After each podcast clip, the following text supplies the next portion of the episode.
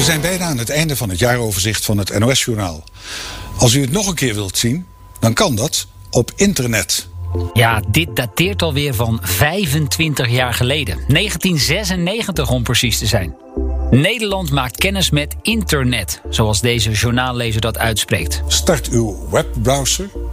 Als u online bent met uw provider, typt u http dubbele punt slash slash www.omroep.nl slash NOS. En die digitale revolutie heeft onze levens sindsdien danig veranderd. Even iets opzoeken, internet. Een reis boeken, internet. De route raadplegen, internet. En iets kopen, ja, ook daarvoor hebben we internet. Al kon ik me dat destijds, ik was 18, nog nauwelijks voorstellen.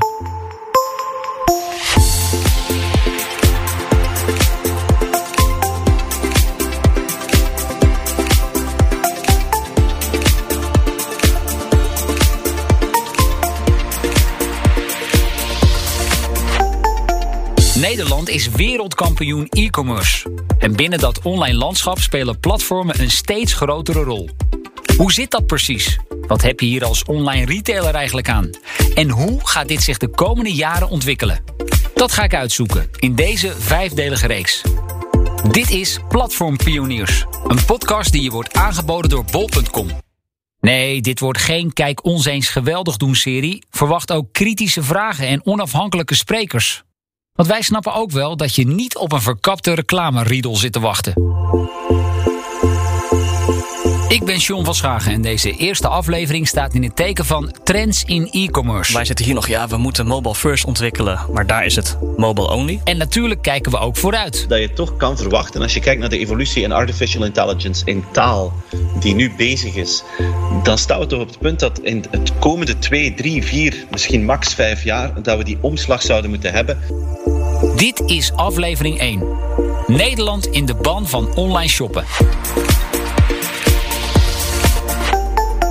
Dat is dan, dan staan we af te wassen en, en per ongeluk breek ik twee glazen. Ik ben nogal onhandig. Hè. Dan breek ik twee glazen, dan wordt te kort. Dan zeg ik, kom, we gaan nieuwe bestellen, onmiddellijk. Dus dat is gewoon de, de reflex als ik aan iets denk dat niet met eten te maken heeft, dan, dan ga ik online gaan, uh, gaan kopen. Eten ben ik nog zo'n klassieke koper, daar ga ik nog graag naar de winkel. Dit is de stem van Steven van Bellegem. Op de eerste plaats een online shopper. Hij doet gemiddeld 10 tot 15 aankopen per week. Maar daarnaast is hij ook een veelgevraagd spreker uit Vlaanderen. Hij geldt als expert in klantgerichtheid in de digitale wereld. En gaf al meer dan duizend keynote-presentaties in meer dan 40 landen. Een autoriteit dus. En over de vraag waarom online shoppen vooral ook in Nederland zo aanslaat, daar hoeft hij niet lang over na te denken. Ja, ik kom vaak in, in Nederland, ik, ik kom overal zo'n beetje. En ik merk toch doorheen de jaren, in alle lezingen dat ik geef, dat het Nederlandse publiek, en dan kijk ik zowel naar bedrijven als consumenten, een van de meest open-minded culturen is op vlak van uh, het uitproberen van nieuwe dingen. Dat was niet enkel bij e-commerce zo, maar toen internet begon, hadden jullie ook een van de grootste uh, adopties van breedbandinternet. Mobiele telefonie is sneller in Nederland vertrokken dan in andere landen.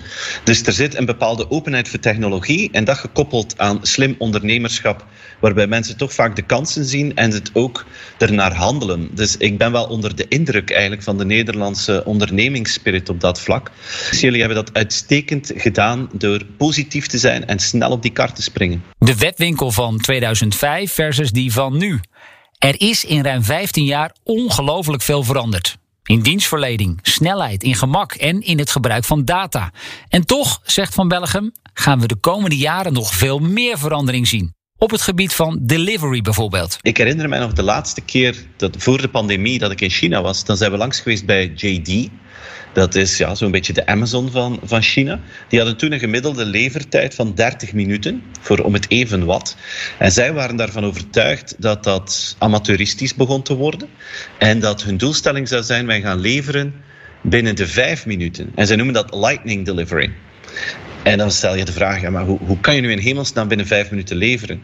En dan zeggen zij, er is maar één manier om dat te doen. Dat is voorspellen wat mensen gaan kopen voordat ze het effectief kopen. Bij wijze van spreken staan we al voor de deur voordat zij op de knop hebben gedrukt. En dat, uh, ik denk op dat vlak, dat, dat is iets wat een tijd heeft stilgestaan, die last mile. Maar daar gaan we nog een enorme vooruitgang zien de komende jaren. Dat is zeker al een, uh, een belangrijke. Goed, en dan is dit het moment waarop we John Lin aan je gaan voorstellen. Bij Bob.com ben ik Ecosystem Business Developer. En daar ben ik verantwoordelijk voor alle partnerships met bedrijven buiten Bob.com die diensten ontwikkelen, speciaal voor de 48.000 verkooppartners op. En zijn visie hier sluit naadloos aan op dat wat Steven van Belgium zojuist vertelde. Zometeen ga je steeds meer ook richting vaste aankopen. Weet je, dingen die je toch al elke twee weken koopt. Uh, dat die voorspeld worden uh, en in je, ja, in je winkelwagentje komen. En ook afhankelijk van welke momenten jij kiest. Daar leren ze op een gegeven moment ook van. hey, jij bent elke dinsdagmiddag waarschijnlijk thuis. Dus dat wordt jouw vaste leverdag.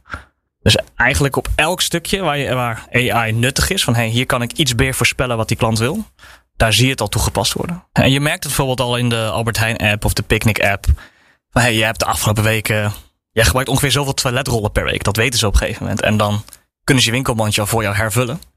Uh, en bij Bol.com lopen ook dit soort algoritmes. Van hey, wat, hoe oud zal je kind waarschijnlijk zijn?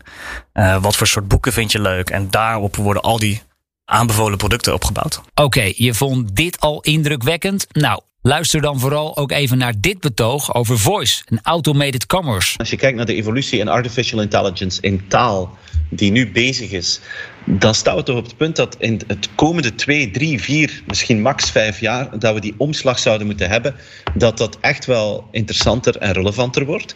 Ik denk dat we daar als Europa een, een klein beetje een achterstand zullen hebben ten opzichte van bijvoorbeeld de Verenigde Staten.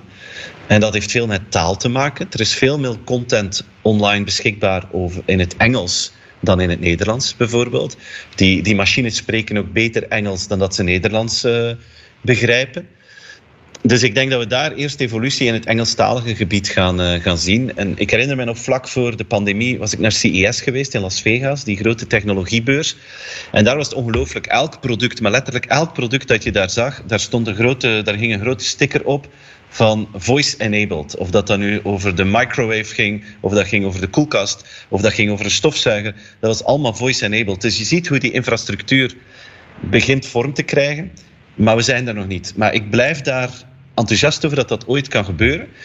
En ik blijf er ook enthousiast over dat dit een, een impact kan hebben op de manier waarop we onze aankopen doen. Ik denk dat we op termijn die flip gaan zien van e-commerce naar e-commerce, noem ik dat, automated commerce, waarbij je een groot deel van je aankopen, dat je niet meer naar een telefoon moet grijpen om iets te bestellen, maar dat dat automatisch gebeurt. En dat een aantal van de routine aankopen, en dan heel basic denken we aan cartridges voor printers, uh, de basiszaken uit de koelkast, de, de, waspoeders, echt die routine aankopen, die gaan op zeker moment toch wel geautomatiseerd worden. Voice gaat daar een tussenschakel in zijn, maar de volgende stap is dat dat ook voor een heel groot deel vanzelf gaat gebeuren. Dat, dat gaan we vroeg of laat ook wel meemaken. En dan zit je in die gekke situatie dat de klant eigenlijk geen onderdeel meer uitmaakt van de, van de klantenreis. En, en dan wordt het interessant als bedrijf van hoe gaat onze marketing eruit zien? Doen we dan nog marketing to humans of is marketing to machines bijvoorbeeld? Dus dat, dat kan wel echt een fundamentele omslag creëren op dat moment. Ontwikkelingen als deze worden uiteraard aangejaagd door artificial intelligence. En nee, dat is niet nieuw en toch geldt ook hier: we ain't seen nothing yet. Of, zoals Van Belgen het verwoord, we zitten nog maar op de eerste helft van de curve. Als een nieuwe technologie komt, heb je altijd zo'n klassieke S-curve. Van het begint traag en dan plots stijgt het heel snel. We zitten nog altijd in die eerste helft waar het relatief traag gaat. En die eerste helft wordt gekenmerkt door torenhoge verwachtingen die niet ingelost worden.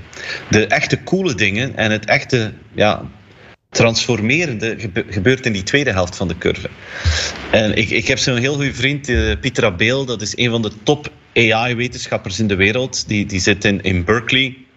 Die kent al die topgasten in Silicon Valley die met AI bezig zijn. En iedereen is ervan overtuigd van, we zitten op dat tipping point en de komende tien jaar gaan we die, die tweede helft van die curve beginnen meemaken en gaat dat steeds meer in ons leven sluipen. En als we gaan terugkijken naar 2030, hoe het nu was, gaan we zeggen van wauw, eigenlijk is het ongelooflijk de vooruitgang dat we gemaakt hebben. En dit lijkt mij een mooi moment om even een uitstapje te maken. Naar een plek op de wereld waar ze op bepaalde vlakken in e-commerce al stappen verder zijn dan wij.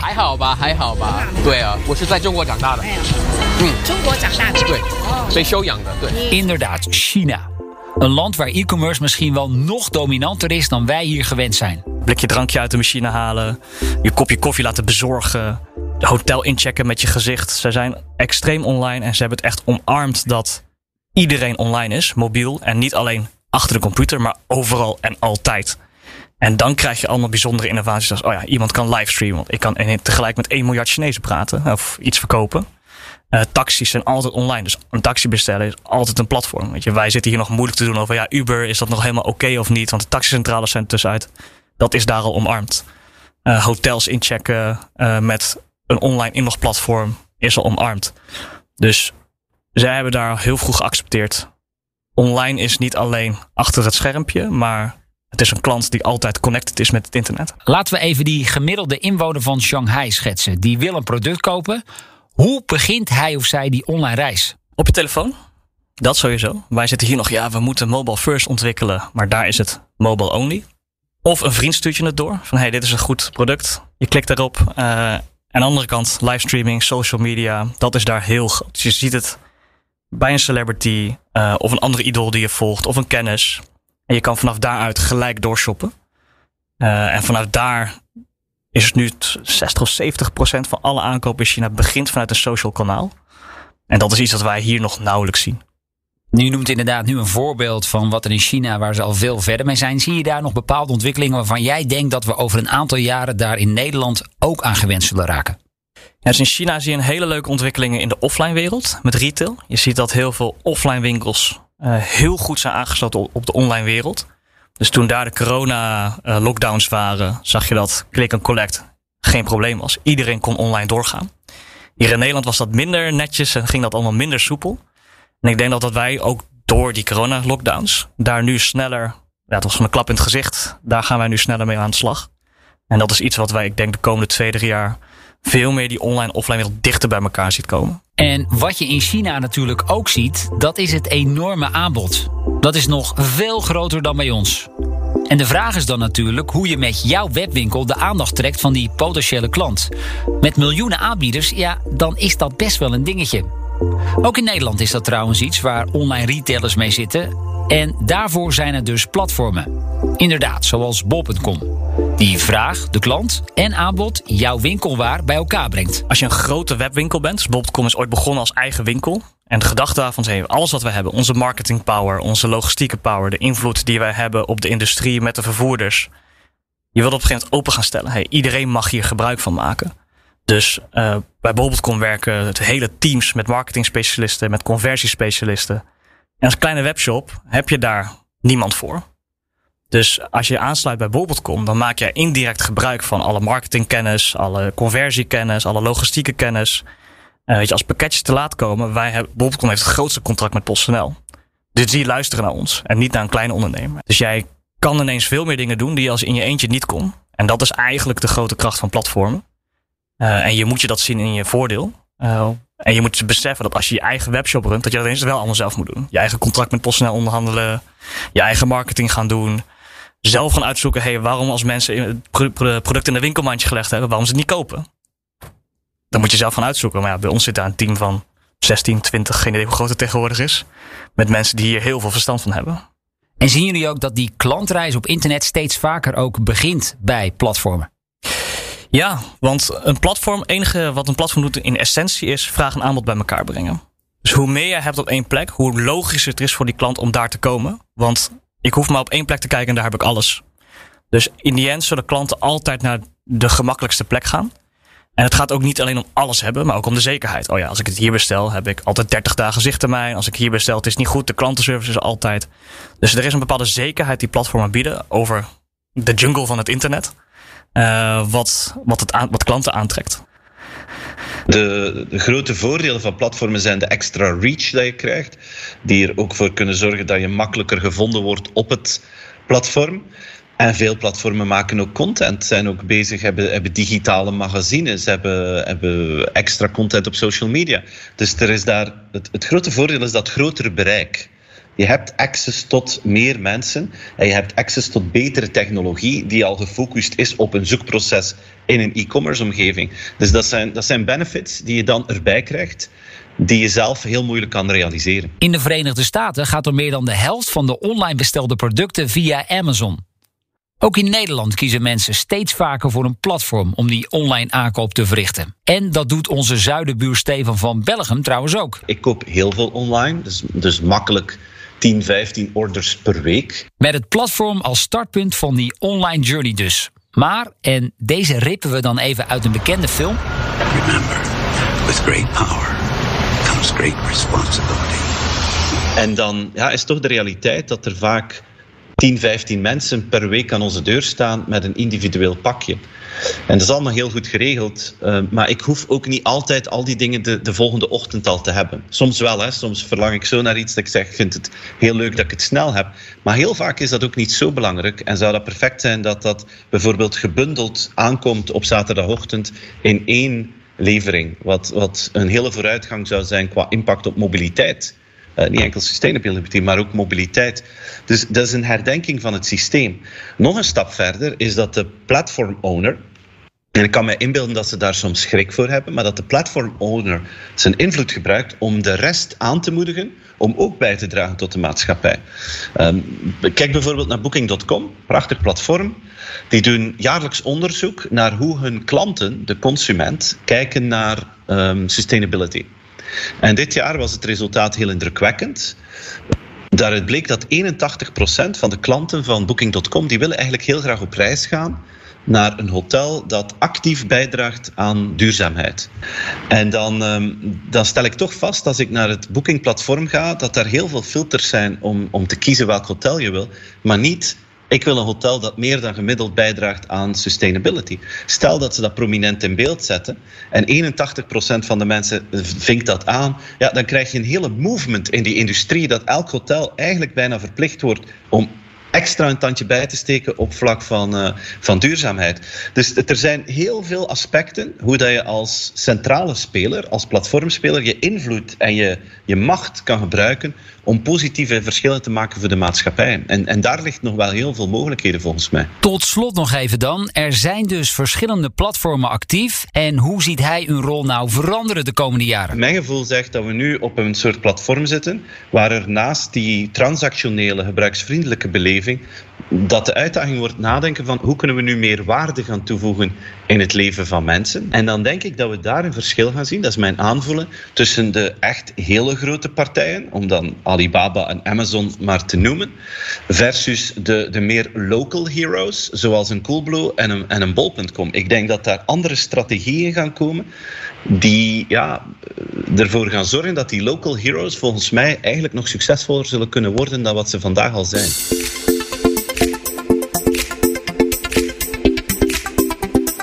Dat zit, daar ga ik in de volgende aflevering maar eens wat dieper op induiken. Dan praat ik met twee nieuwe specialisten over het ecosysteem. Wat dat is, wat je eraan hebt en hoe je er optimaal gebruik van kunt maken. Dit was aflevering 1 van Platform Pioniers. Een podcastserie die je wordt aangeboden door bol.com. Vond je deze aflevering nou de moeite waard? Stuur hem dan door naar tenminste één vriend of collega. Bedankt voor het luisteren en tot de volgende aflevering.